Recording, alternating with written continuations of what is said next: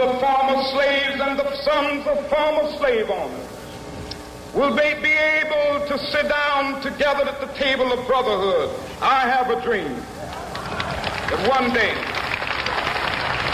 even the state of Mississippi, a state sweltering with the heat of injustice, sweltering with the heat of oppression, will be transformed into an oasis of freedom and justice. I have a dream. My four little children will one day live in a nation where they will not be judged by the color of their skin, but by the content of their character. I have a dream.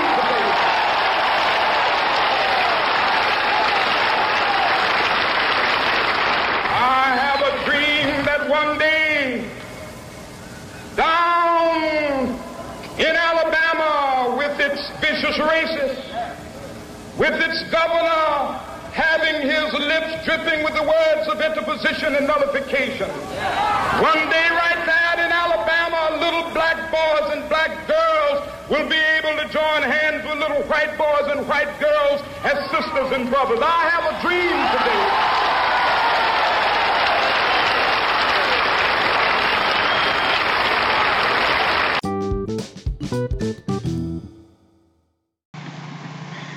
Kembali lagi di eh, apa namanya Eh, deck deck talks eh, deck deck X talk kan gue lupa lagi udah lama Eh, episode yang ke berapa gue lupa Eh, apa namanya ini kita habis apa namanya habis isya baru rekaman dan gue di sini sama Iqbal Iqbal ngomong bal Halo, gue Iqbal. Salam Eh. kenal semuanya. Anjay. kan udah lama dan sama Rosi juga biasa Oh iya. gimana Ros Aloha guys, kembali lagi dengan saya Muhammad Rosi. Oke, ini kan kita eh, rekaman apa ya namanya? Udah lama banget nih. Sebelum se, se- sebelum puasa kan kita udah nggak yang pokoknya ngampus libur, nggak nggak kuliah, kita stop tuh. Terus sampai sekarang nih, berarti udah lewat lebaran nih. Eh, apa namanya? Ucapannya gimana bal kalau lebaran bal? Takobaulau. Nama izin wal faizin. Nah, yang satu lagi lahir batin. takobaulau minkum ya. Apa sih namanya? Sebenarnya sih lebarannya udah lewat. Iya udah, jadi lupa kita. ya udah lama banget sih. Ya udah Nah, tapi kan tetap ada masih ada suasananya ya suasananya karena kan masih bulan Syawal. iya Em, apa namanya ini kita membahas mengenai yang sedang rame-rame nih. Apa tuh yang rame-rame? Apa tuh bal? Apa tuh ros? Soal rasisme ya di Amerika. iya betul. Eh, jadi eh, apa namanya? Ada yang mau jelasin dulu nggak nih? Awal mulanya kayak gimana nih? Siapa ros? Jelasin ros. Mungkin Rossi yang mengikuti beritanya gimana ros? Oke. Oke, persoalan rasis ya.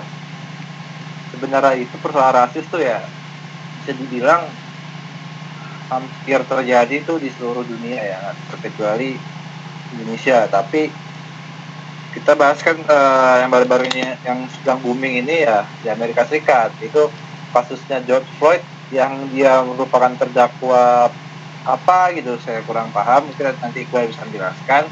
Nah dia itu ditangkap kemudian tuh di lehernya itu di, di apa di tindih pakai sikut kaki gitu sama polisinya dan sampai dia meninggal gitu lah. Ini kan memicu kemarahan besar rakyat Amerika Serikat ya bahkan dunia ya. Iya. Apalagi Amerika Serikat yang menggunakan yang sebagai the king of liberalism ya. Itu tuh ya dibilang ada persoalan seperti itu kayak macam ras kulit agama itu pasti kan langsung tuh ada pergesekan antara ibaratnya sara lah kalau di Indonesia itu pasti masyarakat itu akan akan mulai menggombang gitu dalam mengajukan unjuk rasa gitu. Nah kali ini kan yang menjadi persoalan kita baru-baru ini gitu. Karena sebenarnya persoalan rasis itu disebabkan oleh hal-hal yang sepele sih kalau misalnya kita kalau misalnya kita nggak eh ini nggak- nggak clear ya. Karena rasis itu disebabkan oleh kata-kata yang dibilang sederhana. Seperti eh minggir dong lu belum mandi bau. Kata itu sebenarnya tuh kata-kata yang menurut sederhana cuman ada beberapa orang yang menganggap kata-kata itu tuh bisa menyebabkan perbuatan rasis gitu. Jadi ya mungkin sebenarnya rasis itu akhir dari perkataan-perkataan manusia yang bisa dibilang perkataan-perkataan yang sederhana gitu nggak sampai baku hantam lah pembunuhan enggak gitu Iya iya. iya. awalnya tuh sebenarnya awal awalnya tuh kalau kasus rasis itu seperti itu gitu mungkin Iya. itu sih Em, ini gue sedikit apa namanya memberi insight ya. Eh, karena kan kalau yang tadi dibilang sama eh, Rossi itu gue kurang setuju sih kalau misalnya itu dibilang rasis karena kalau insulting kayak gitu jatuhnya itu eh, masih sebatas diskriminasi aja. Karena kan kalau rasis itu kan ya udah, udah nyangkutnya race gitu. Entah itu black terus Asia Chinese Indian lah, Hispanic. Nah itu jatuhnya udah rasisme tuh. Nah kalau lu gimana bal? Menurut lu bal? Mengenai kasus ini bal?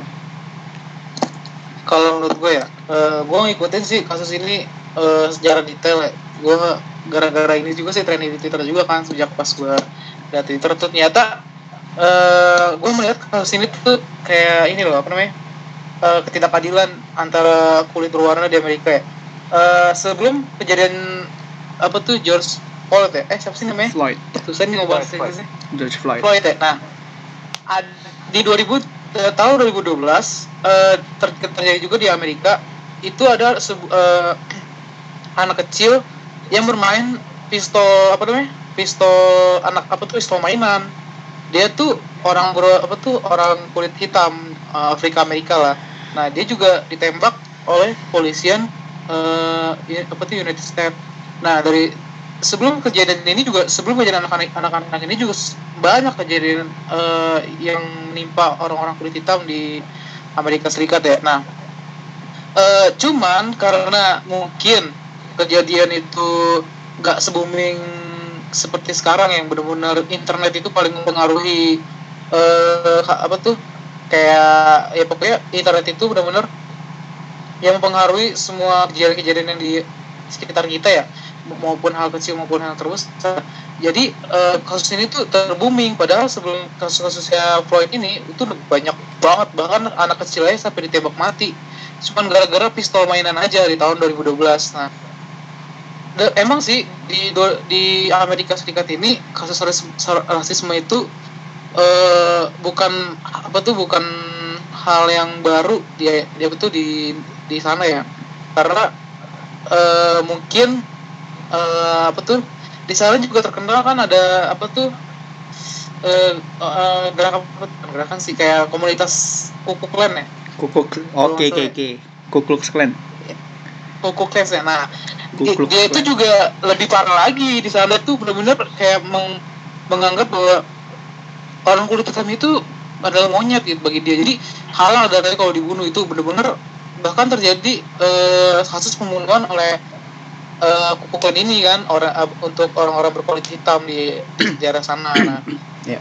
Da- dan juga rasisme di di Amerika Serikat itu ya nggak jauh-jauh dari dari perbandingan kulit hitam dan dengan kulit putih ya meskipun banyak sih hal-hal rasis cuman yang paling dominan di di sana ya tentang kulit apa tuh kulit warna aja gitu nggak usah jauh-jauh sih di Amerika Serikat ya di di negara kita aja sebenarnya kita juga melakukan hal ras hal, hal yang sama seperti di Amerika iya itu nanti Sebe- itu nanti itu nanti ini kita Iya, bahas eh, bahas pokoknya- yang Wah, Ke kalau spesifik itu sih dulu. nanti mungkin Iya. kita bahas. Pokoknya intinya itu kasusnya ini cuman masalah kesalahpahaman. Eh bukan kesalahpahaman sih. Maksudnya cuman karena uang apa tuh uang palsu ya yang dia apa tuh akhirnya pemilik toko nggak terima akhirnya nelpon polisi dan polisi akhirnya menindaklanjuti Floydnya ini tetapi dengan cara yang tidak manusiawi gitu maksudnya dengan seharusnya kan hanya diproses secara hukum yang berjalan ya tetapi ini malah men- membuat seseorang kehilangan nyawa gitu. Padahal menurut menurut gue sih pribadi kalau misalkan dia melakukan ha- hal misalkan dia udah udah ngasih duit palsu misalkan habis itu dia menodong pistol atau pistol dan membuat apa tuh ancaman sesuatu apa tuh nyawa ancaman nyawa seseorang terancam. Nah itu baru deh bisa ditindaklanjuti secara tegas. Cuman ini hanya perkara uang palsu dan dia harus kehilangan nyawanya secara brutal gitu. Oleh penindak hukum gitu. Seharusnya sih ini benar-benar kelewatan batas sih. Maksudnya ya nggak nggak seharusnya hukum itu berjalan seperti itu. Karena setiap manusia dan individu itu memiliki hak asasi manusianya itu sama di mata hukum. Baik kulit putih maupun kulit hitam maupun si kaya maupun si miskin kalau gue sih itu Eh, kalau yang gue lihat dari apa namanya dari kasus ini itu seperti apa ya ini sebuah diskriminasi itu jelas banget. Karena yang kalau kita lihat dari internet society ya itu banyak banyak banyak banget orang yang mem- mem- membandingin kalau orang kulit putih itu ketika mereka apa namanya dalam tanda kutip kutip kan jorok banget tanda kutip eh, melakukan tindakan kriminal itu diperlakukannya ya manusiawi kayak ya orang biasa. Tapi giliran giliran orang kulit hitam atau orang kulit berwarna itu di, diperlakukannya ya unfair sih. Nggak nggak adil aja. Dan dan gue lihat lagi ini kayak apa ya sebenarnya eh, Amerika bukan Amerika sih gue nggak fair kalau Amerika doang. Karena orang-orang yang rasis tuh eh, ini gua gua gua generalisir aja ya. Orang-orang rasis tuh eh istilahnya kalau menurut gue ya mundur dua mundur 20 abad mungkin kasarnya. Karena eh sekarang orang udah diverse udah banyak yang berbeda-beda tapi kenapa masih rasis gitu? Itu menurut gua sangat kolot dan uncivilized aja. Nah kalau menurut gue nih bal kalau lu melihat George, George Floyd yang di Amerika atau kasus-kasus lain gitu karena yang yang gua lihat ini eh, kita ini kita melihat dari ini ya apa namanya pasca pasca kejadian itu kan banyak banget protes di negara negara-negara bagian di kan awalnya di Minnesota terus di Florida bahkan di Orlando itu banyak banget kemarin orang terus di Brooklyn di NYC itu banyak banget yang eh, protes gitu. Nah kalau menurut lu nih proses pro- proses protesnya kan ini kan gede banget nih masanya demonya di seluruh dunia. Kalau menurut lu eh, apakah memang ini apa ya orang-orang tuh harusnya sadar gitu kalau misalnya perbuatan yang kayak gini ya udah udah udah udah lama banget udah ketinggalan zaman. Istilahnya udah invalid lah kalau zaman sekarang. Menurut lu gimana bang?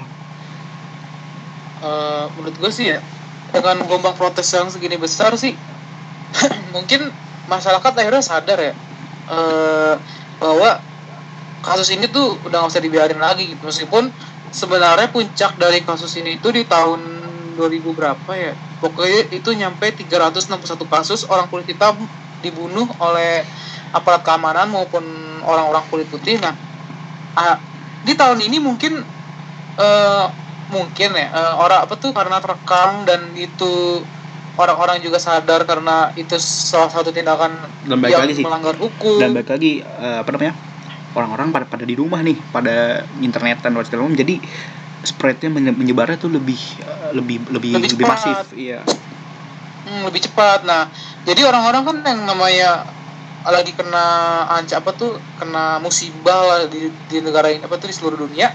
Eh tiba-tiba ada pemberitaan kayak gini ya, otomatis kan orang semua orang kan eh a- apa tuh Kamu. mendapatkan informasi itu secara tepat. Ya kira mereka sadar bahwa ini sebuah tindakan kriminal yang dilakukan oleh aparat keamanan yang seharusnya tuh menegakkan hukum, tapi malah membuat tindak kriminal yang yang me- menewaskan apa tuh satu orang kulit hitam gitu.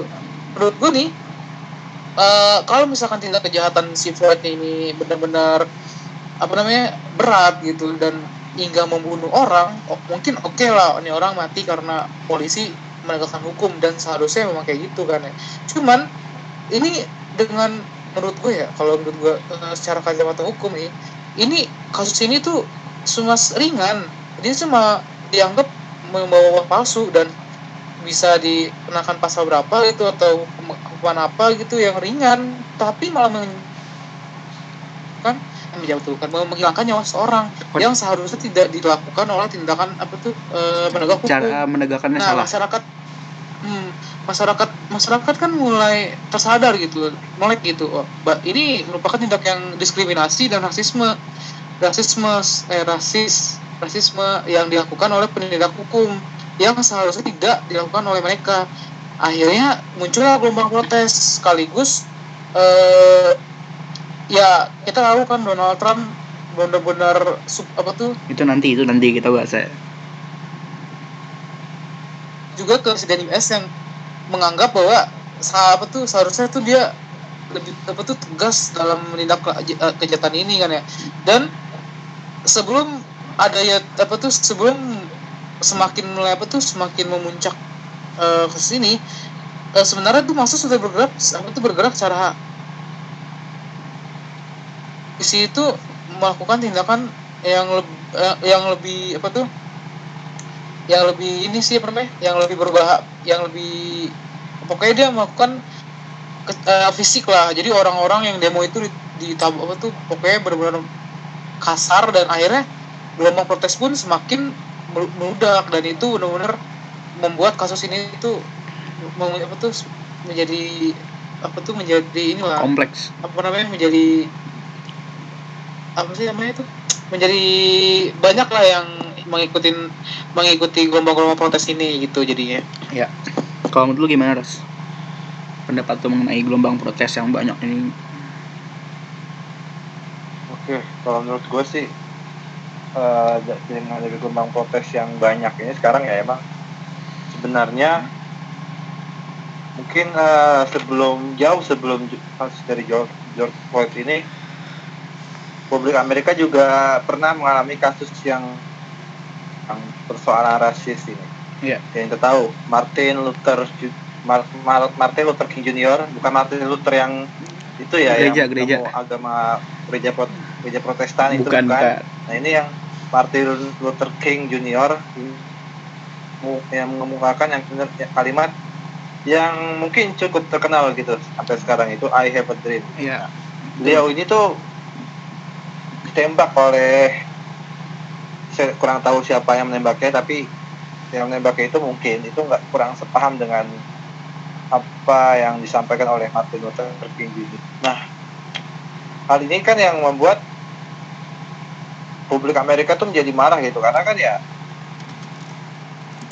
terbu ini kan yang kita tahu dia kan sebagai seorang penjabat pertama kulit hitam yang dibunuh gara-gara mengungkapkan kalau misalnya orang kulit hitam di Amerika Serikat juga punya mimpi gitu yang mimpi yang sama dengan orang kulit hitam orang kulit lain yang lain yang lain di Amerika Serikat. Tapi sebenarnya setelah kasus dari Martin Luther King Jr. ini ada satu organisasi di Amerika Serikat kalau misalnya lu tahu deh yang namanya Ku Klux Klan nah. KKK ya KKK nah itu kan yang organisasi yang anti banget sama orang kulit hitam kan nah white supremacist. bisa dibilang eh persoalan rasisme di Amerika Serikat itu emang sekalinya ada kasus seperti itu. Pasti akan muncul gelombang-gelombang protes di Amerika Serikat. Terbukti pada kasusnya pada kasusnya George Floyd ini ya sekitar 75 kota di Amerika Serikat itu hal itu yang menyebabkan bahwasanya emang yang namanya persoalan rasis di Amer- Amerika Serikat itu pasti akan menimbulkan beberapa gelombang-gelombang protes itu dari masyarakat. Karena menurut seorang Jen Elliot kalau misalnya bahwasanya kematian George Floyd ini tuh merupakan suatu pertanyaan sederhana gitu yang mengungkapkan rasisme yang ada di Amerika Serikat. Mungkin itu. Jadi mungkin persoalan rasisme apa pun ya misalnya. Entah itu mungkin sebelum George Floyd juga mungkin ada gitu persoalan rasisme di Amerika Serikat.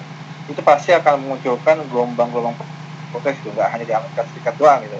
Melainkan di beberapa negara lainnya gitu. Karena yang kita tahu eh, gelombang protes yang terjadi pada George Floyd ini iya. Di- juga terjadi di Jerman itu. Nah, mungkin kita tahu eh, tidak eh, dengan unjuk rasa, cuman di Bundesliga itu kan ada beberapa pema ada pemain sepak bola yang oh iya iya iya. Eh sampai nuliskan ba- di baju dalamannya itu yang Justice for for Floyd kan. Black Lives Matter. Terus ada nah itu kalau nggak salah si Akra- Ashraf Hakimi sama Jadon Sancho. Saya Greg Gnabry juga. Sama. Saya kurang paham itu pergaulannya apa cuman di dia meng- mengemukakannya ruangannya itu tentang eh, eh, persoalan rasisme itu keadilan bagi kesetaraan kulit gitu. Nah, tapi ya emang kesadaran kita tentang rasisme itu masih kurang karena ya masih banyak hal-hal yang menganggap kalau rasismenya adalah persoalan yang sepele gitu Jadi seperti itu Eh, eh, apa namanya tadi eh, si Rossi menyinggung Martin Luther deh. Nah ini lucu banget nih. Jadi karena Martin Luther ini kan gue eh, apa namanya orang-orang kayak Ray Wilkins, Martin Luther. Nah itu kan dia memperjuangkan eh, apa namanya Black Folks atau orang-orang berkulit hitam. Eh, itu tahun berapa ya? 63 apa 60 berapa? Nah pokoknya kejadian itu menghasilkan suatu undang-undang yaitu Civil Rights Ci- Civil Rights Act tahun 1964 itu yang ratifainya sama Presiden Johnson. Nah itu gara- gara-gara itu gue lagi lagi suka baca-baca deh mengenai US President. Nah tapi gue bilang lagi kan sebenarnya tadi si Iqbal ngomong katanya persoalan rasisme ya bukan di Amerika aja tapi banyak. Kata- terbukti tadi yang dibilang Rossi kalau di Jerman di Bundesliga itu banyak pemain-pemain berkulit hitam yang protes. Terus juga di Inggris itu eh, di UK itu patungnya Colin siapa gitu itu dijatuhkan karena itu perlambang slavery atau perbudakan.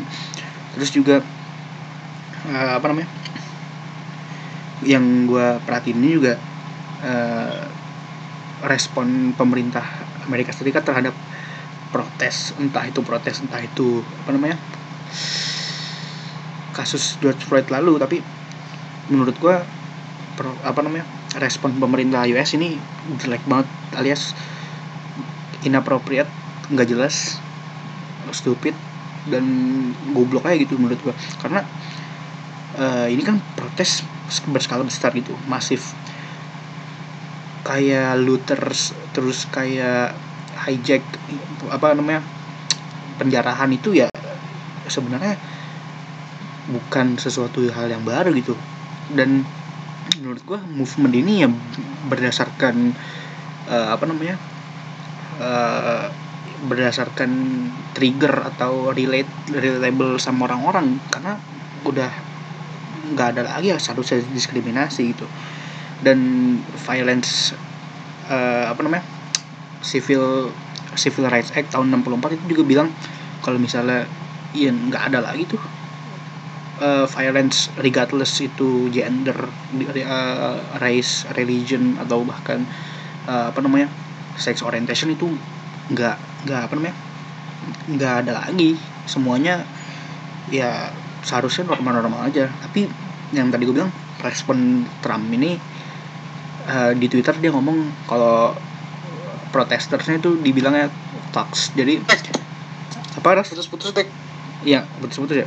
Jadi eh, protester itu dibilang dibilangnya seorang yang kriminal gitu. Padahal eh men ini masif people power gue gua, gua pikir it's not an, a, a criminal eh, things gitu. Karena ya ini protes ini bukan alat politik atau dan dan hal semacamnya. Nah, kalau menurut lu nih lu melihat respon Trump kayak gimana, Pak?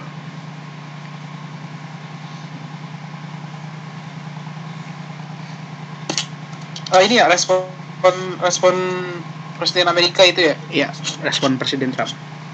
Kayak gimana, Pak? menurut gue nih eh dia tuh kayak apa ya eh, salah satu presiden yang goblok mungkin ya. Gue Dia nggak setuju gue, nggak setuju. Eh, apa Apa, berang- beranggapan kayak dia tuh nggak serius dalam menangani kasus ini mungkin. Dan dia ya mungkin karena dia tuh kan orang yang anti imigran orang yang anti apa namanya Islam juga. Dia tuh mem-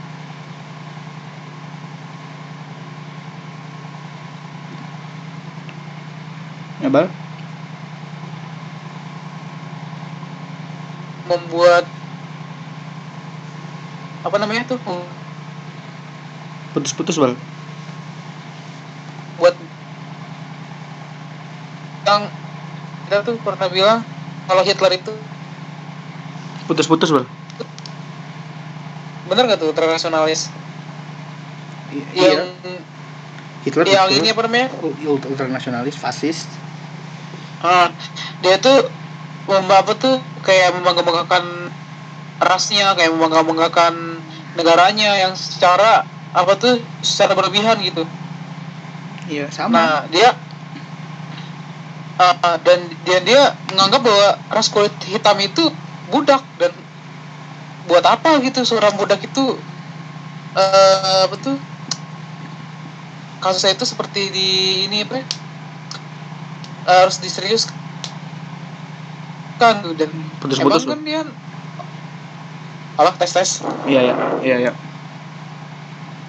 emang si Donald Trump ini dia itu emang anti yang namanya apa tuh orang-orang kulit hitam gitu. Dan lebih mengunggulkan ras kulit putih dibandingkan ras kulit hitam. Jadi mungkin kesalahan dia juga eh, mengapa gelombang protes itu semakin membesar mak- makin meludak karena dia sebagai presiden tidak tegas dalam meng- mengambil tindakan atau kebijakan yang seharusnya eh, eh, diputuskan oleh dia sebagai kepala negara gitu karena ini juga mempengaruhi eh, bagaimana nanti pemilu di, Nah, itu di nanti, itu nanti. Amerika Itu nanti. yang eh, kan gue bablasan dulu nih kan ya Ya nggak apa-apa. pokoknya intinya respon Donald, Donald Trump ini sangat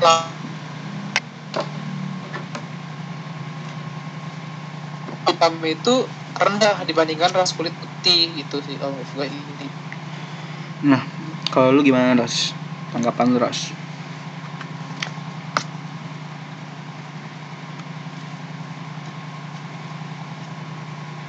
Presiden Trump terhadap kasus dari George Floyd ini kalau nah, kita tuh mesti tahu gitu. Itu tuh berasal dari apa gitu dari partai mana gitu kita tahu kan, Trump ini kan berasal dari partai dan partai yang kurang memperhatikan itu. Di rasisme ini karena ya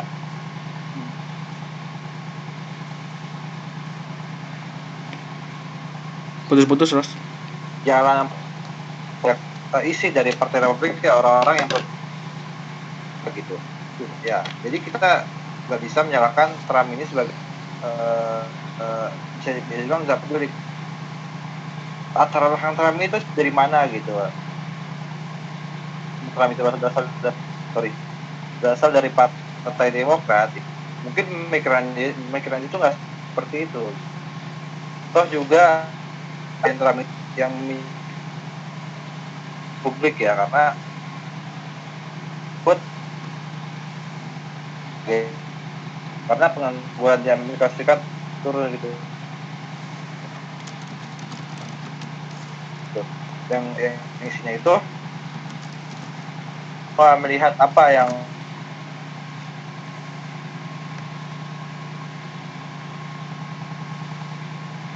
ini adalah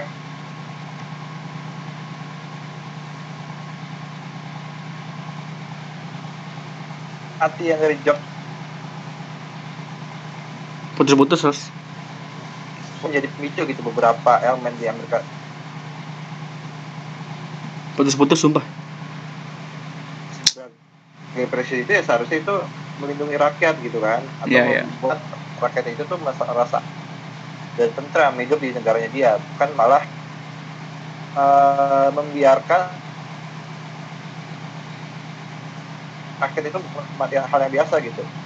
Jadi ya mungkin uh, emang si uh, eh, Trump berbicara seperti itu karena di tengah pandemi virus corona di Amerika sih Trump membanggakan tentang kemajuan ekonomi di negaranya itu. Tingkat pengangguran itu turun dari 14,7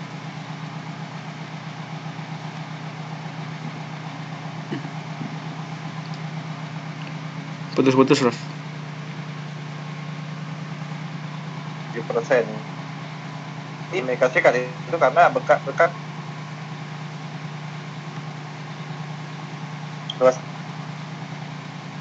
eh, bila ada kasus rasisme ini ya kalau misalnya eh, mu- atau meningkatkan atau bukan bukan meningkatkan ya ibaratnya me- me- memperkecil angka pengangguran di negara ini. Bunuh aja orang-orang kulit hitam di Amerika Serikat itu kan kasarnya seperti itu. Jadi ya mungkin ya bisa dibilang Trump ini harus dia sedikit berempati lah walaupun ya itu agak susah ya karena latar belakang dia yang seperti itu ya. Tapi saya rasa gua rasa sih Trump itu emang harus berempati karena ya posisinya dia sekarang ya sebagai presiden Amerika Serikat. Iya. Pebisnis pebisnis aja gitu. Mungkin seperti Eh, tadi eh, siapa namanya?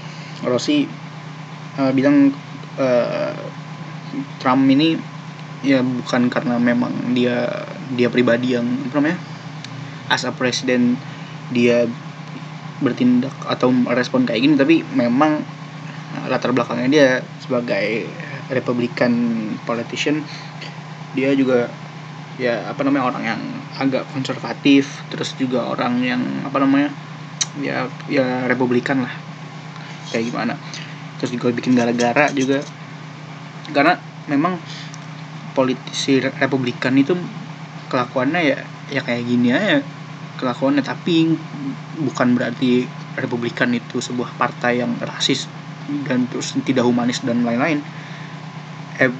Uh, Presiden Hannes F. Lincoln dia republikan Uh, Presiden Reagan republikan ya. Dia republikan berarti bukan berarti uh, apa namanya sebuah partai itu, itu apa namanya orang-orang republikan itu semua ra- racist atau tidak memiliki uh, humanis uh, seperti orang demokrat gitu. Ya memang sih orang demokrat pendekatannya memang lebih humanis gitu. Kayak misalnya Jimmy Carter itu Presiden Carter dengan human rights foreign policy-nya terus Obama yang kita tahu kayak gimana. Terus uh, William Clinton atau Bill Clinton Presiden Clinton. Dia the presiden yang bisa terus the millennium apa 20 dan 21 itu juga sebenarnya tergambar juga sih. Orang Republikan Bush senior sama junior itu bikin gara-gara di Timur Tengah tuh. Kalau Bush senior bikin gara-gara di Gulf War kalau Bush junior bikin gara-gara di Afghanistan segala macem. Ya itulah. Itu memang kalau kita melihat uh, latar belakang politik ya ya kayak gitu. Oke. Nah terus kita juga melihat uh, persoalan rasisme ini sebenarnya uh, sangat-sangat kompleks gitu. Karena memang betul di seluruh dunia itu ada. Bahkan di Eropa kalau kita lihat uh, jangankan kulit hitam gitu. Maksud Ozil aja ketika Jerman apa namanya kalah. Eh, ketika Jerman menang ya dia orang Jerman. Ketika Jerman kalah dia orang Turki gitu. Kan itu menurut gua eh, apa namanya enggak bukan sesuatu yang beradab. Dan juga kalau kita lihat pemain-pemain bola di Eropa kan Moiskin aja kena tuh di Itali itu wah parah banget. Lebih parah lagi padahal Eropa Barat seharusnya lebih civilized daripada Eropa Timur. Eropa Timur apalagi orang Malcolm Roberto Carlos saya pernah kena terus juga nah di Indonesia nih kemarin banyak yang bilang kalau sebenarnya lu ngapain sih lihat orang-orang di luar gitu? Di negara kita aja ma- masih banyak yang gitu. Ya betul betul gue setuju. Kalau kata peribahasa gajah di depan mata tak nampak semut di seberang pulau nampak gitu. Nah itu menurut gue peribahasa yang betul tetapi setiap orang berhak memilih isu yang dia concern setiap orang berhak memilih isu yang dia pilih setiap orang berhak memilih isu yang dia bahas dan setiap orang berhak memilih isu yang dia ikuti gitu. Jadi sebenarnya yang kita nggak boleh adalah menjadi seorang yang ignoran yang nggak peduli. Padahal ya memang di Indonesia kejadian rasisme khususnya teman-teman kita yang di Papua itu sering banget terkena uh, apa namanya ucapan-ucapan rasis perlakuan rasis dis- diskriminatif itu sangat banyak. Nah kalau menurut lu nih bal sebenarnya iya sebenarnya kalau di Indonesia level rasismenya itu kayak gimana sih? Atau atau lu pribadi pernah pernah ini nggak? Pernah putus-putus atau eh, atau lu pribadi pernah merasakan eh, tindakan rasisme gitu? Gimana bal putus-putus dek. Suara lu dek. Oh gitu? Iya putus-putus dari tadi. Eh, gini. Mungkin bisa diulang. Iya, kalau menurut lu nih eh, level rasisme kita di Indonesia dengan rasisme di luar, khususnya kan kalau kita orang-orang Papua itu kayak gimana? Atau lu pernah mengalami tindakan rasisme gitu? Ya gimana, Bang? perbandingan rasisme sama apa tuh di luar negeri sama di Indonesia ya Iya, kalau di Indonesia tuh kayak gimana sih? menurut gue sih gak ada bedanya sih ya maupun di luar maupun di Indonesia cuman bedanya cuma satu mungkin kalau eh, kalau Indonesia itu kan eh, apa namanya masih apa namanya masih memandang inilah apa tuh masih memandang masih ramah lah istilahnya ya. Kalau sedangkan kalau di luar negeri itu ya udah kayak contoh di Amerika orang kulit hitam membuat kesalahan langsung benar-benar ditembak mati atau hal-hal lain. Sedangkan kalau di Indonesia orang kulit hitam ya jadi proses secara hukum dan sesuai dengan kejahatan yang ia perbuat gitu. Nah kalau misalkan kita singgung mungkin di Papua eh ini merupakan contoh rasisme yang benar eh contoh nyata gitu. Ya meski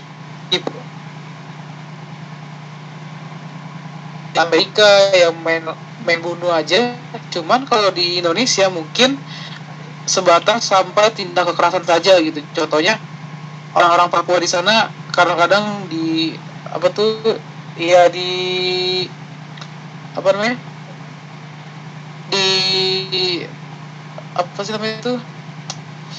Pokoknya tuh dia, dia tuh seperti dibandingkan seperti seorang monyet lah istilahnya. Nah maaf ya ini bukan masa kasar ya. Emang kenyataannya seperti itu orang-orang Indonesia itu belum belum mau menerima orang-orang yang ada di Papua gitu. Sedangkan seharusnya kita orang Indonesia itu menerima mereka gitu. Dia, dia itu eh, eh, saudara kita tanah air gitu dan tidak ha- seharusnya di di apa namanya? Dilakukan seperti itu gitu. Da- ya kalau misalkan se- eh, kalau misalkan perbandingannya perbandingan perbandingannya hanya perbandingannya ini hanya eh, orang-orang Indonesia itu masih menghormati lah isti- eh, hukum yang sedang berlangsung ya meskipun ya tidak beda jauh juga dengan perkataan-perkataan orang-orang orang-orang Indonesia dengan orang Barat yang lebih apa namanya lebih apa tuh lebih tajam lah mulutnya. Nah kalau misalkan di apa namanya di apa di Papua itu ya mungkin hanya tindakan diskriminasi dan rasisme aja sih. Dan tidak sampai ke nyawa apa tuh ke nyawanya gitu. Ya gitu aja Eh, kalau menurut gue ya kalau di Papua memang permasalahannya kan kompleks. Entah itu rasisme atau enggak separatisme gitu. Karena sebenarnya rasisme dengan separatisme itu kita harus pisah dulu. Kita rasisme ini kita melihat kepada manusianya sedangkan separatisme itu kita melihat ya keadaan orang-orang Papua itu kayak gimana di sana. Jauh istilahnya jauh dari apa namanya jauh dari eh, kesejahteraan itu banyak banget.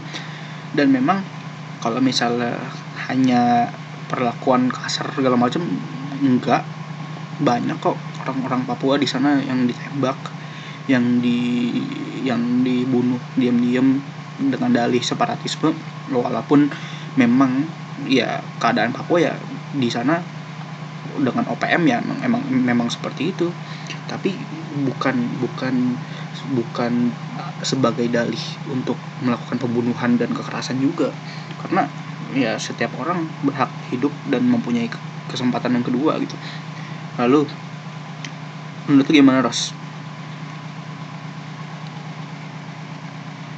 itu sih ya perbedaan antara kasus rasisme di Amerika Serikat dengan di dalam Indonesia ya berarti sih ya hampir sama ya?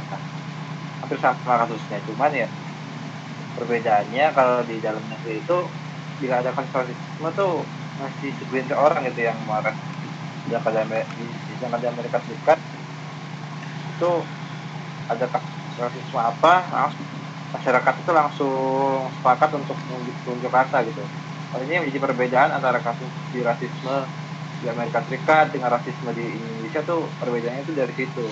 Jadi bilang lebih ke respon responsibilitas masyarakat masing-masing negara sih yang yang menjadi pembeda.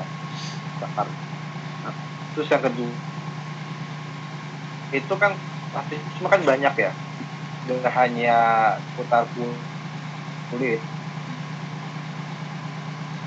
Iya tapi memang ya kalau iya nggak kalau nggak cuma orang agama ya putar kulit, warna kulit. iya tapi memang rasisme Nah, itu ya emang warna kulit Ya, ya warna kulit, banyak sih warna kulit ya. hmm. Eh, akar-akar itu bisa merembet ke mana aja gitu, bisa ke, ke budaya, persoalan yang sederhana deh. Ini bisa merembet ke persoalan-persoalan kayak kepercayaan dan budaya. Sepakat lah dengan apa yang dibilang Imam Iqbal sebenarnya ka- kalau di Indonesia itu kasus rasisme itu tuh lebih ke masyarakat yang kita taruh di Surabaya itu kan sempat ada kasus tentang asrama Papua yang diserang kan menganggap kalau orang-orang Papua itu adalah orang-orang orang orang yang mirip dengan primata gitu hal ini yang, yang dibilang kasus rasisme yang di Indonesia itu gitu. karena itu sih kebanyakan berpusat mungkin yang dulu dulu eh, berpusat di beberapa pulau pulau lainnya. Yang ada di Kalimantan yang tragedi sampai jadi juga mungkin adalah akar dari kasus rasisme. Yang ini di Papua. Karena kalau di Papua itu gerakan rasisme itu tuh ya berbarengan dengan gerakan separatisme yang dilakukan oleh organisasi Papua Merdeka. Walaupun banyak masyarakat masyarakat Papua ya bisa dibilang baik banyak masyarakat masyarakat Papua yang yang bisa dibilang itu eh, sangat ini lah. Banyak yang banyak yang dibunuh banyak yang dibunuh dengan dalih. Separatis. Yang ya yang dengan dalih separatis itu. Padahal kan enggak. Gitu. itu aja Ras. ya itu aja sih paling. eh kalau misalnya di Indo- Indonesia ya ya gue setuju sama lu semua. Sebenarnya memang awal permasalahannya ya, ya kita kagak sadar gitu. Kalau misalnya kita rasis gitu orang-orang rasis nggak sadar. Kayak misalnya sesimpel gini aja deh. Ah seni mohon maaf nih. Ah Jawa. Nih mohon maaf. Misalnya ah Jawa lu ah misalnya Sunda itu ya itu secara tidak langsung rasis lah kalau menurut gue karena ya nggak nggak pantas aja gitu kalau dibuat bahan insulting seperti itu.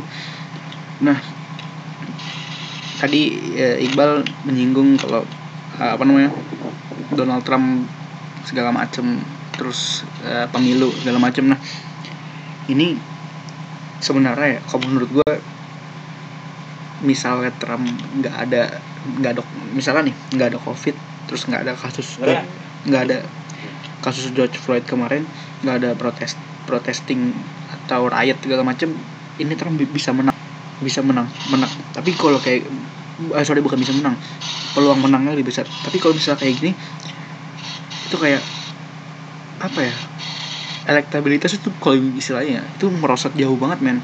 Kalau menurut lu gimana nih? Ini kita terus ep- episode terusan dari yang menerka-nerka Amerika. Gimana bal Tadi gimana, Dek? Suara putus-putus, Dek. kacau banget nih jaringannya nih ini eh, kalau misalnya kita melihat nih ya kan Hmm. eh, kalau nggak ada covid terus kalau nggak ada kasus George Floyd kalau nggak ada protesting kalau nggak ada riot itu peluang Trump untuk Putus-putus, menang Dek. sumpah parah banget jaringannya dah iya putus-putus dek tadi Nah. lu ngomong nih. Kedengeran ntar lu kalau apa namanya? Menurut lu nih dengan adanya kayak gini nih kedengeran nggak? Gimana? Eh, putus-putus dek nggak kedengeran. Lu gimana sih? Gue pakai eh, suara lu dong dek yang putus-putus dek ntar lu dek dek. Iya iya iya. Ada nggak suara gua? Oh nah ini baru nih pendengar nih. Nah, kalau menurut lo nih, kalau nggak ada kejadian kayak gini, sebenarnya peluang Trump di di second election dia itu kayak gimana? Menurut selanjutnya. Mungkin. Siapa? mungkin ya. Lu putus-putus nih. Iya deh kayak jadi kalau misalkan nggak ada eh mungkin pemilu tahun ini elektoral apa tuh Trump ini mu- kemungkinan masih bisa menang ya karena ada kasus George Floyd ini elektabilitasnya menurun gitu dek Iya benar. Kalau menurut lo kayak gimana tuh? nah menurut gue sih ya merupakan ini sih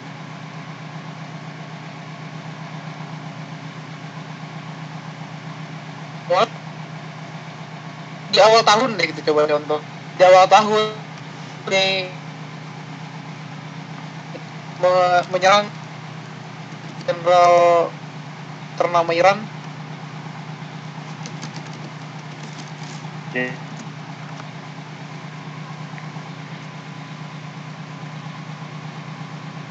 baru gitu corona kan dan menganggap bahwa corona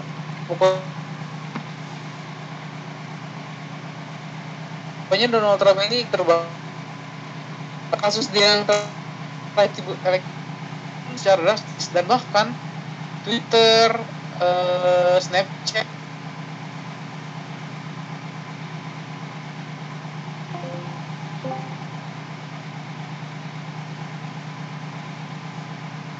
Eh eh, apa tuh mendukung lah istilahnya. Istilahnya tuh kayak masih mensupport lah gitu. Nah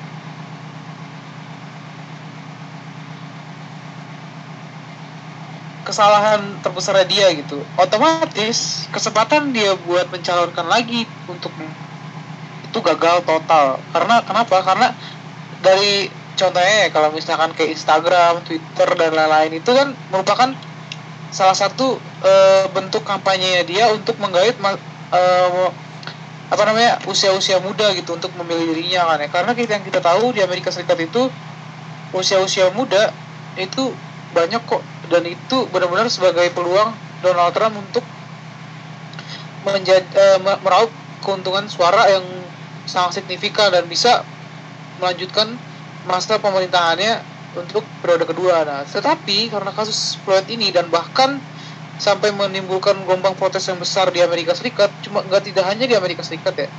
Kita contoh aja di eh, Inggris dan di Jerman, pemain Jerman juga mendukung eh, kasus ini kan untuk ditindaklanjuti secara tegas. Nah, ini malah malah membuat eh, suara Donald Trump ini tuh sangat mempengaruhi suara Donald Trump untuk memilih selanjutnya dan kemungkinan ini gue nggak tahu ya mungkin eh, menurut pandangan gue ya menurut pandangan gue ya Donald Trump ini akan kehilangan suara ya setidaknya sangat signifikan gitu ya bisa 60% atau bisa 70% karena kejadian seperti ini gitu. Karena elektro apa tuh eh, daerah-daerah yang yang memiliki suara terbanyak itu bahkan melakukan gelombang protes ke Donald Trump. Dan kita contohnya Washington DC dan lain-lain itu kan benar-benar eh, contoh apa tuh eh, suara apa tuh suara terbesar lah yang bisa dia dapatkan. Dan tapi karena eh, kasus ini dan bahkan membuat saham Amerika Serikat juga turun drastis ini malah membuat ke, eh, tidak percaya publik terhadap dirinya itu semakin bertambah gitu. Dan ke- ya itu tadi balik lagi kan dia dia bakal kalah dari pesaingnya. Siapa sih nama pesaingnya kok? Joe Biden ya? Joe Biden. Iya Joe Biden. Nah, jadi Joe Biden mungkin bisa bisa menang. Dan ini bisa mungkin bisa diangkat di di di apa tuh isu ini bisa diangkat buat modal dia naik ke sebagai presiden Amerika selanjutnya gitu sih kalau menurut gua. Iya, eh gue menambahin kalau eh, ini 50 negara bagian itu eh, sorry protes ini tuh udah tersebar di 50 negara bagian include Hawaii itu udah udah udah tersebar segala macam. Ini menurut gua ya ya ini udah di ujung tanduk lah kalau menurut gua. Tapi tapi memang kalau misalnya kayak gini loh dari awal tahun aja eh, sorry dari akhir tahun lalu itu udah udah udah ada impeachment udah ada ya pokoknya banyak lah ditambah covid ini terus sama protesting rakyat segala macam ya ini udah udah udah udah istilahnya udah selesai lah karena primary Demokrat kemarin itu ini sekarang baru bulan Juni nanti DNC Democratic National Convention di Milwaukee itu bulan Agustus. Sekarang dari bulan Juli ini Joe Biden udah istilahnya udah ya udah udah fix gitu buat Demokrat. Ini menurut gua partisipasi uh, people itu gi- gila sih tahun ini sih. Karena bayangin aja di protes kemarin senator senator kayak senator Romney terus senator Colin eh sorry sekretari Colin bahkan Bush aja dukung Joe Biden. Itu kan menurut gua Bush junior ya. Bush senior udah meninggal. Bush junior itu ngedukung ngedukung Biden itu gila. Sampai Jeb Bush aja nge-tweet di, di Twitter kalau misalnya ini kasar aja ya. Ya ini ya gue ngapain ngevote apa gue ngapain dukung eh sorry gue ngapain endorsing Trump lagi gitu. Karena padahal Bush itu Republikan by the way. Terus senator Romney itu Republikan. Dan ini gue udah gila sih. Udah gila banget nah kalau lu gimana Ros tanggapan lu Ros tentang peluang Trump ya buat Iya. pemilu ini ya. Iya. Kalau menurut gue sih peluang Trump untuk menang pada pemilu nanti sih masih ada ya. hmm, Karena ya pasti kalau kalau masih ada tiap, tiap pertengahan tuh emang punya peluang menang gitu. Iya, bentar, bukan Kalau- kalau misalnya peluang ya pasti ada gede kalau gede gede. Tapi dengan adanya gini kan pasti ini goyang-goyang nih. Republikan bingung nih. RNC aja kemarin di di mana? Di eh, di mana sih? Di Utah kalau nggak salah. Apa di apa di itu gue lupa. Itu dibatalin kan gila. Gila banget coba. Gimana lanjut terus Ya mungkin kalau namanya peluang sih memang pasti ada. Cuman ya pertanyaannya ya mungkin agak sedikit berkurang gitu peluangnya dari yang lalu. Cuman nggak berarti Presiden Trump ini nggak ada kemungkinan menang. Kemungkinan menang sih pasti ada. ada setuju gue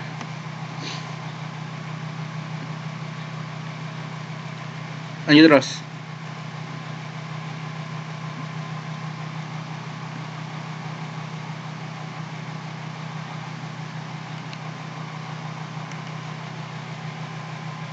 Ros ros ros. Terus putus nih dia Oh, ros ros. terus sih ke mana dari sini Putus nih kayak disconnect dia nih. ini karena ini kita di discord ya Ini menjadi kritikan senjata balik walaupun Trump juga punya senjata ya yang dia berhasil membunuh Jenderal Ya. Soleimani. Dia juga merupakan seorang jenderal yang sayangan teman kita juga deh. oh ros ros ros ul- ulang ros dari yang peluang menang ya yang tadi itu Oke. banyak banget kekat tuh Oke, oke.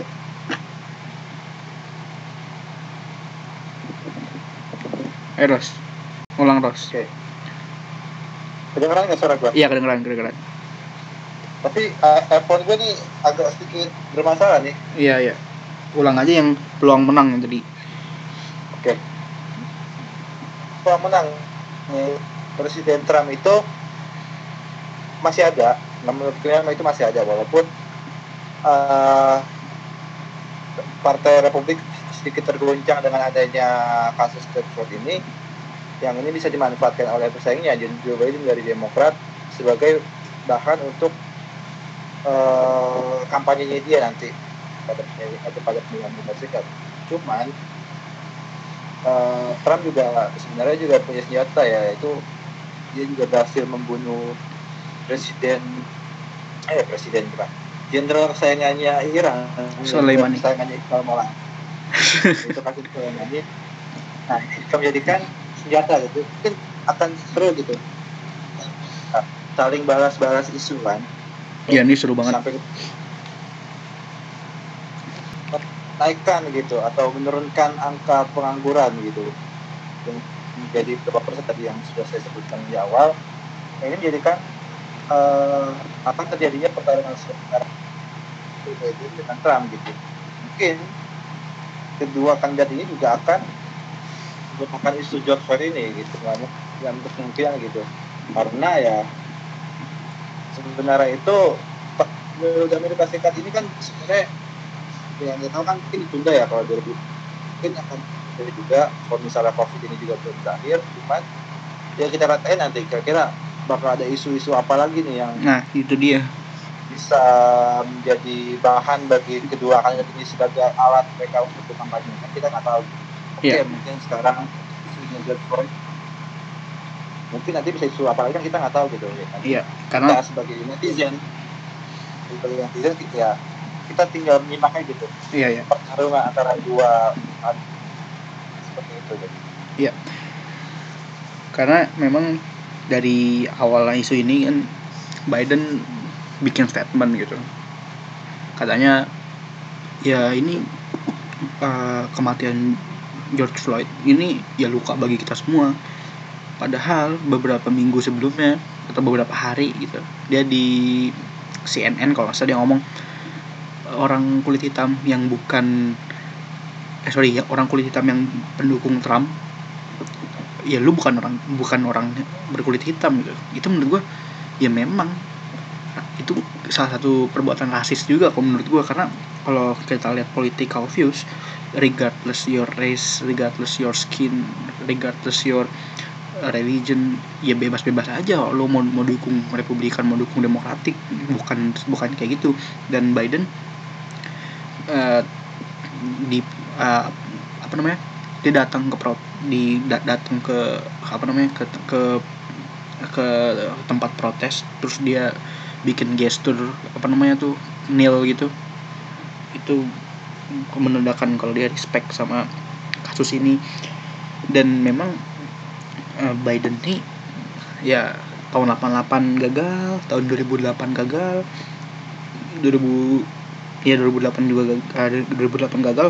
Menurut gua ya ini kesempatannya terbuka lebar banget sih buat dia karena gimana ya kalau Hillary Clinton dulu kan pendekatannya ya Demokrat memang humanis segala macam terus ya Clinton Secretary Clinton kan eh, mantan First Lady terus eh, juga apa namanya suaminya presiden dua dua term. Terus eh, apa namanya ya pokoknya Clinton memang punya ad- advantage tapi kalah karena karena karena Florida waktu itu. Terus juga ya memang sih ini permasalahannya ya apa namanya kompleks banget. Biden aja belum belum punya wakil ya. Banyak banget tuh. Bahkan Michelle Obama aja masuk bursa uh, vice president. Terus juga si senator Harris senator Warren itu juga masuk bursa vice president. Dan itu aja sih ya untuk episode kali ini. Gitu aja deh. Itu aja episode ini deh. Ya gitu aja ya mungkin nanti kalau misalkan buat apa namanya mungkin buat isu-isu yang lain lah mungkin nanti lah setelah mungkin pemilu Amerika ini yang kita lihat Donald Trump ini akan ke masih bisa menjabat Nah, ya. lagi atau malah diganti Joe, Joe Biden? Ya, mak- ya makanya follow Instagram gue ya kalau mau lihat info-info mengenai itu. Karena karena kayak, kayak cuman gue doang ya. Iya sih? Kayak bisa cuma gue doang ya. Kalau di Instagram gimana bang? Cuma gue doang yang ngomongin ginian ya? Oh iya cuma gua- kalau gue kan. Instagram gue kan fokus-fokusnya beda-beda tuh. Kadang-kadang di normal kadang-kadang rasisme oh kan. iya itu itu nanti meme juga nanti hari Jumat. Nah itu apa? New normal Jumat ya Jumat. Iya Oh, boleh ya, tuh. sebelumnya, apa terus? Ngomong soal new normal. Apa tuh? Mungkin bisa dilihat YouTube gua. Nah, Oh, YouTube sih ini kan gua juga eh, diundang sama teman gua. Iya siapa namanya? Namanya siapa? Shout out dong. Siapa namanya? Udah gua kirim di grup skripsi. Iya iya. Siapa namanya tuh? Siapa namanya shout out shout out. Teman gue ini eh, namanya Endah Endah Elvayati iya. Nah dia itu dia teman gue ini juga kemarin udah lama sih tagnya tagnya udah lama. Dan juga udah di di apa udah sudah di viralkan juga di YouTube. Ya kayak 4 jam itu ya? Durasinya 4 jam kayaknya. 10 menit doang kok. Oh iya iya. Foto YouTube-nya. Jadi, mungkin nanti. Jumat kita ngebahas ini ya ini boleh tuh Iya, iya. sangat menarik sampai sekarang ini menarik menarik menarik tapi Soalnya kan juga- di- Hmm, apa tuh soalnya kan Karena- juga gimana bang? nabrakan. Kenapa? Gimana? apa tuh ya jadi nah, karena ini normal ini kan masih membingungkan ya karena ya itu yang harus diatur itu bukan cuma iya nanti itu hari Jumat hebal iya maksudnya Ih, lu mah kebablasan kebijakan mulu. kebijakannya lah istilahnya? Aduh gua kebablasan mulu kalau ngomong nih. Nanti aja kan dulu juga ada waktunya ada waktunya. Oh iya iya benar-benar. Ya udah jadi gimana nih? Ini kita udah kuliah di rumah udah berapa abad nih? Lama banget. Tiga bulan nih anjir. Gila ya bukan ngampus gua beneran dah. Iya, soalnya cuma satu doang nih yang membingungkan. Apaan? Pro- eh, izin proposal eh izin skripsi kita belum turun-turun. Revisi. Iya revisi kita. Sebenarnya kalau izin bimbingan mah gampang revisinya nih ya kan? Nggak tahu ini gimana kan jadinya. Entah dibaca apa baru dibaca setengah kan kita nggak tahu. Iya. Hmm. iya bener. Ini kita udah mulai kuliah lagi. juga kemarin habis diskusi juga sama kawan gue yang dari Malaysia deh. Apa tuh? Bang nanya apa? Itu tentang ini tanya normalin. Ya jadi mungkin bakal gue kupas nanti di hari Jumat iya Ma- Malaysia tuh oke oke oke gitu aja kali ya. Ya. ayo. Oh iya jangan lupa Apa tuh? Instagram Rossi apa Ros? Oh iya. Sosial sosial itu sembilan apa iya emailnya sebelas sembilan. Lalu bal emailnya sembilan oh Iqbal Maulana 42 lah iya. Sang wakil tangan kanannya Sulaimani iya iya Al Jazeera iya. Al Jazeera. Bisa aja Abraham. Iya itu aja ya. Eh, bisa aja. Moses. Ya udah oke. Jangan, jangan thank you lupa thank you. jangan lupa baca buku jangan lupa cuci tangan udah thank you cuci thank you. tangan. Iya pokoknya ini nih ini gua ini terakhir nih ya. Ini pe- pemilu ini seru banget beneran seru banget. Karena ini persoalannya banyak terus juga parti- partisipannya banyak terus ya pokoknya gila banget deh. Tahun 2000 itu Bush lawan Al Gore itu ini tinggal satu state lagi yang yang belum kebuka nih Florida itu kalau misalnya Bush menang Florida Bush presiden. Kalau misalnya Al Gore menang Florida, Al Gore jadi presiden. Tapi ternyata Bush menang terus di recount itu di, diulang penghitungan suaranya di Florida. Terus di dispute ke Mahkamah Konstitusi eh ke Mahkamah Konstitusi. Akhirnya Bush menang. Gila itu seru banget. Padahal electoral vote itu Bush menang tapi popular vote Bush kalah. Cuman berapa, ratus berapa berapa ribu orang. Itu gila. Itu ini ini ini ini nih. Ini lebih seru lagi yang ini karena karena banyak banget permasalahan ya udah gitu aja deh. Thank you thank you. Oke oke